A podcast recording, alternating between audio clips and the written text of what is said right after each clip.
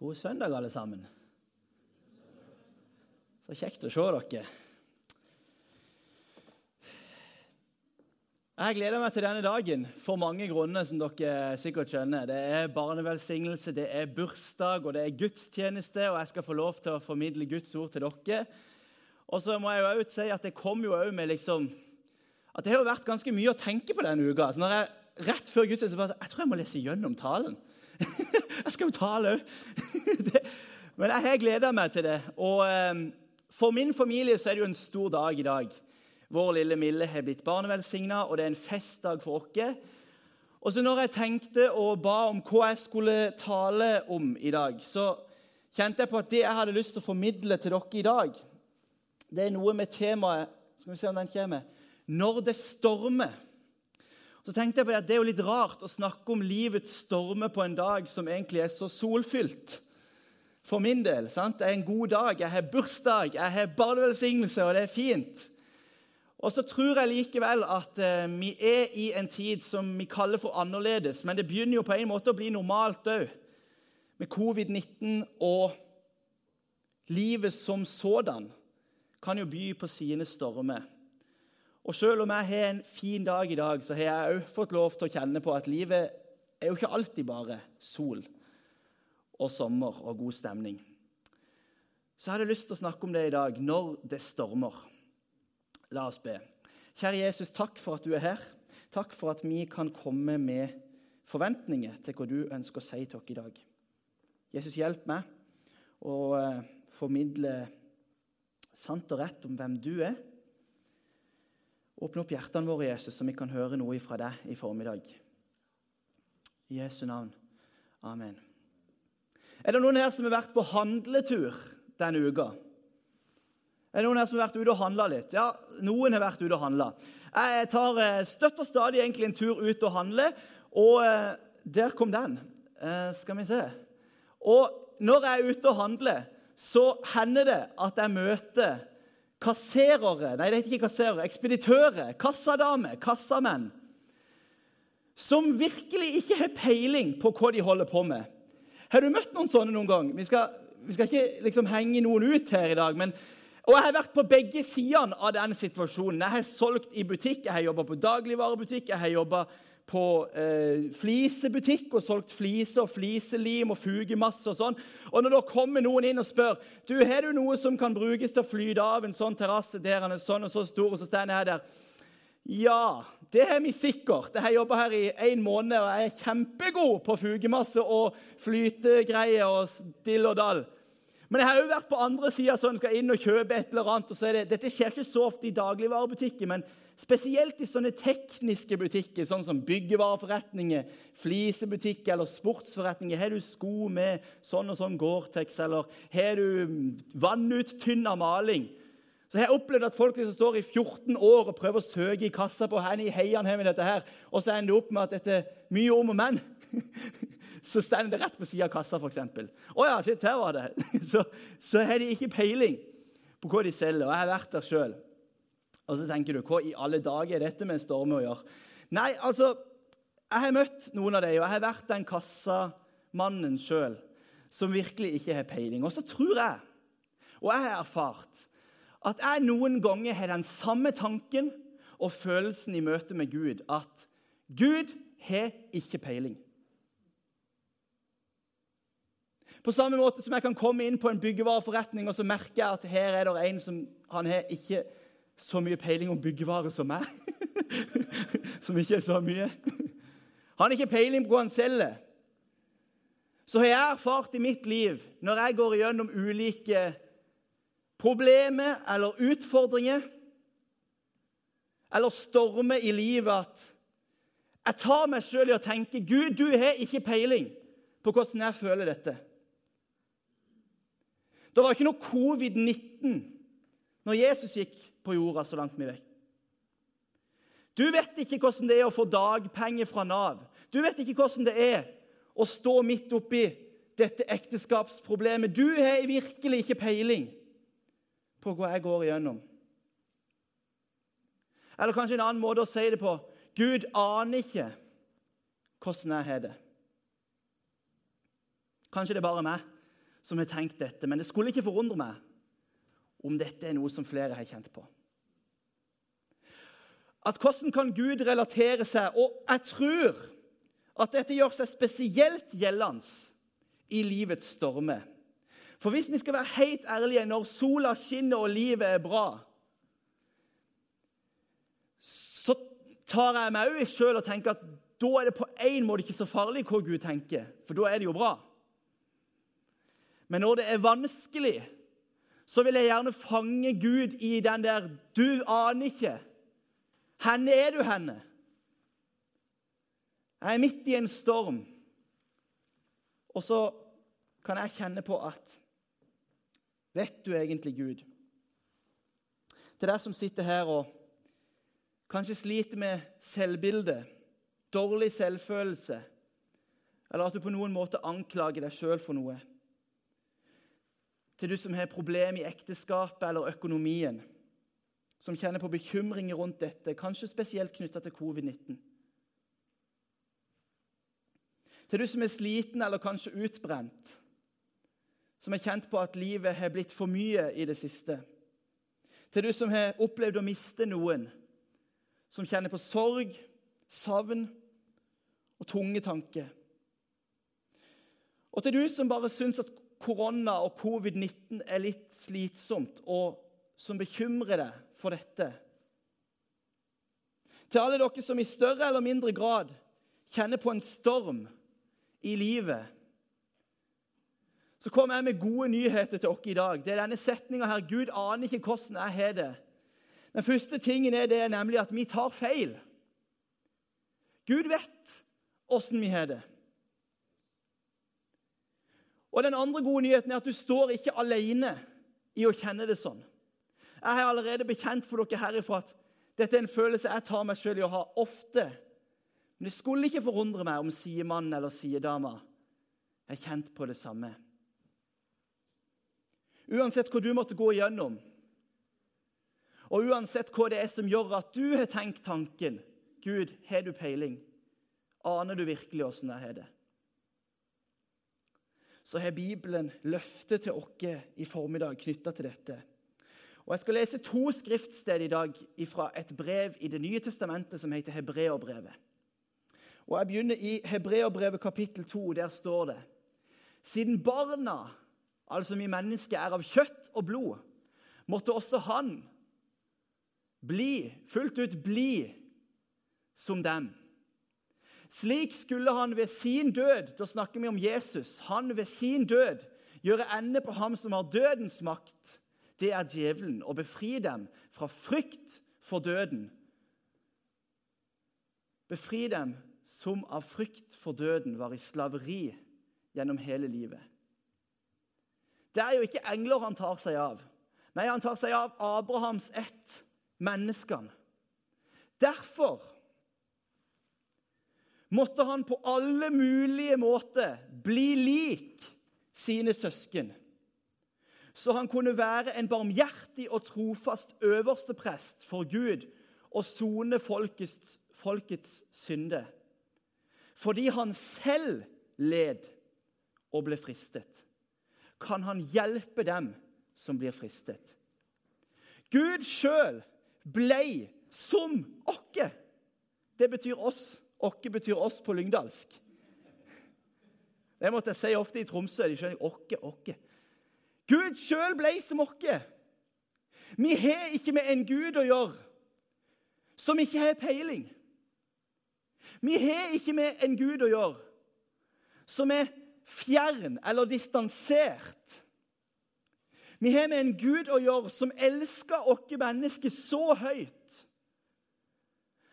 at han satt, jeg ser for meg, han satt og liksom klødde seg litt i hodet eller noe i, himmelen. og Hvordan kan jeg få vist dem at jeg elsker dem? At jeg vet? Hvordan, hvordan kan de relatere seg til meg på best mulig måte? Jo, jeg må bli sånn som deg, sånn at de forstår hvem jeg er. Sånn at de kan se hvem jeg er, sånn at jeg kan relatere meg til det som de går igjennom. Fordi Gud kunne jo valgt å åpenbare seg på andre måter, som han òg gjør. gjennom skaperverket, gjennom mirakelgjerninger som vi hørte om tidligere i gudstjenesten. Men det er vel ingenting må han ha tenkt, som kan få et menneske til å forstå bedre hvem jeg er, enn om jeg sjøl blir et menneske. Så Gud sjøl ble som oss. Han kom ned. For en kjærlighetserklæring! Han sitter der oppe og sjonglerer med planeter og klatrer i solsystemet. Og sitter i himmelen der det ikke er sorg, skrik eller smerte. Og så velger han å komme ned til denne mange ganger ganske middels planeten. Fylt med sorg og skrik og smerter, fristelse og prøvelse. Så sier han, 'Jeg vil komme ned' for å vise at jeg bryr meg, for å vise at dere kan relatere dere til meg og jeg til dere. Så til deg som sitter her og kjenner på at livet stormer, så leser vi at Gud han kom til jorda. Han ble lik på alle måter sine søsken. Og fordi han selv led og ble fristet, kan han hjelpe dem som blir fristet. Til deg som kjenner på fristelse, til deg som kjenner på at du blir prøvd på en eller annen måte, eller at livet stormer. Vi har med en Gud å gjøre som ble et menneske, og som sjøl har kjent på fristelse på prøvelse og på at livet ikke bare er en dans på roser.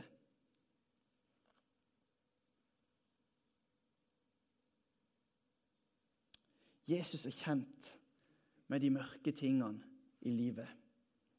Videre i hebreerbrevet så skriver forfatteren i kapittel 4 Siden vi har en så stor øverste prest som har gått inn gjennom himlene, Jesus, Guds sønn, så la oss holde fast ved bekjennelsen.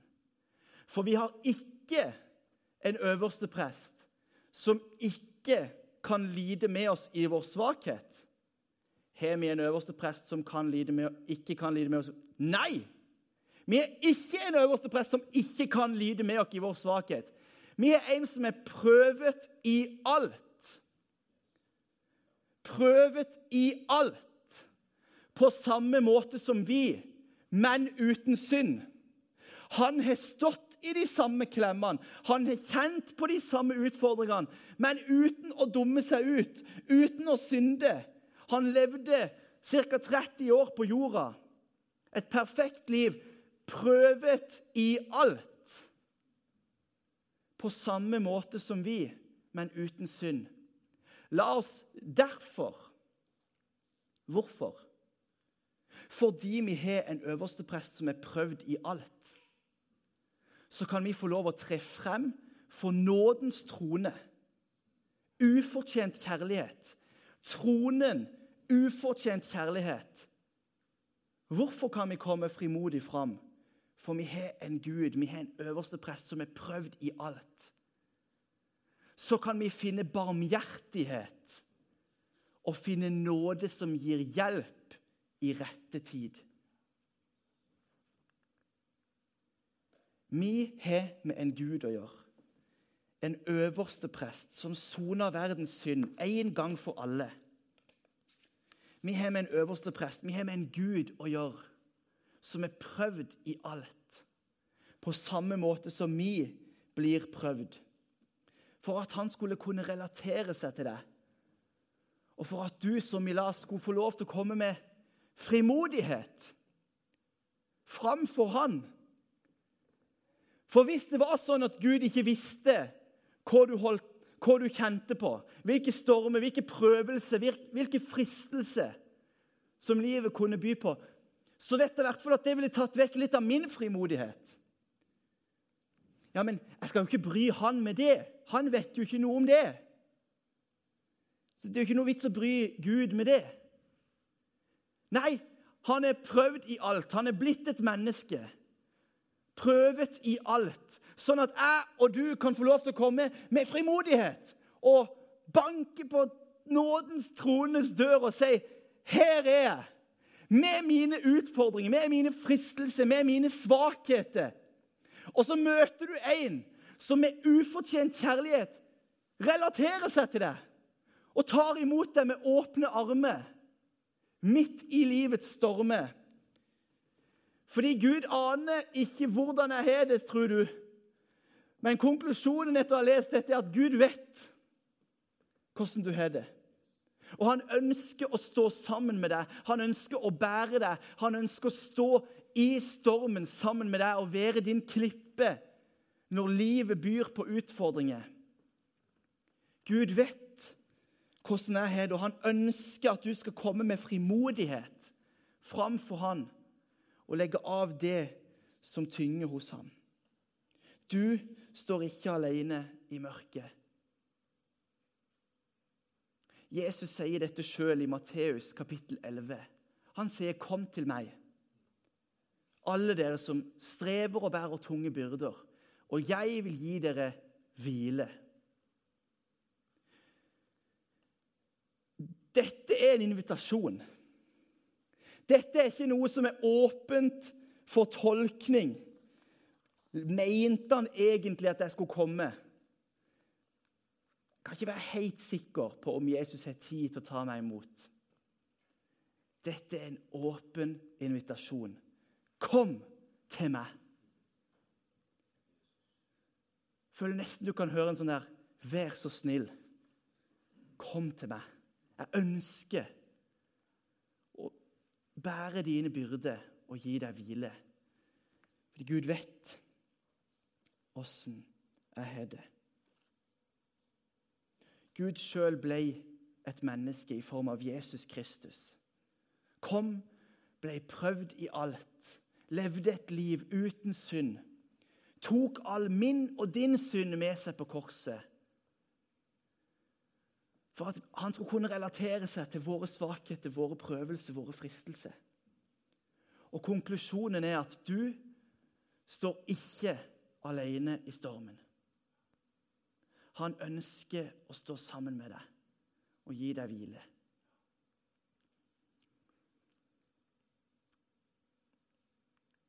Du står ikke alene når det stormer. Og jeg tror vi må si at tida vi er inne i, oppleves stormfullt på en del områder.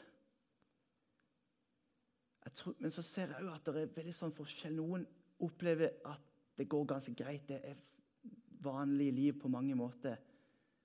Og jeg merker jeg trenger å ta inn over meg at det stormer for mange.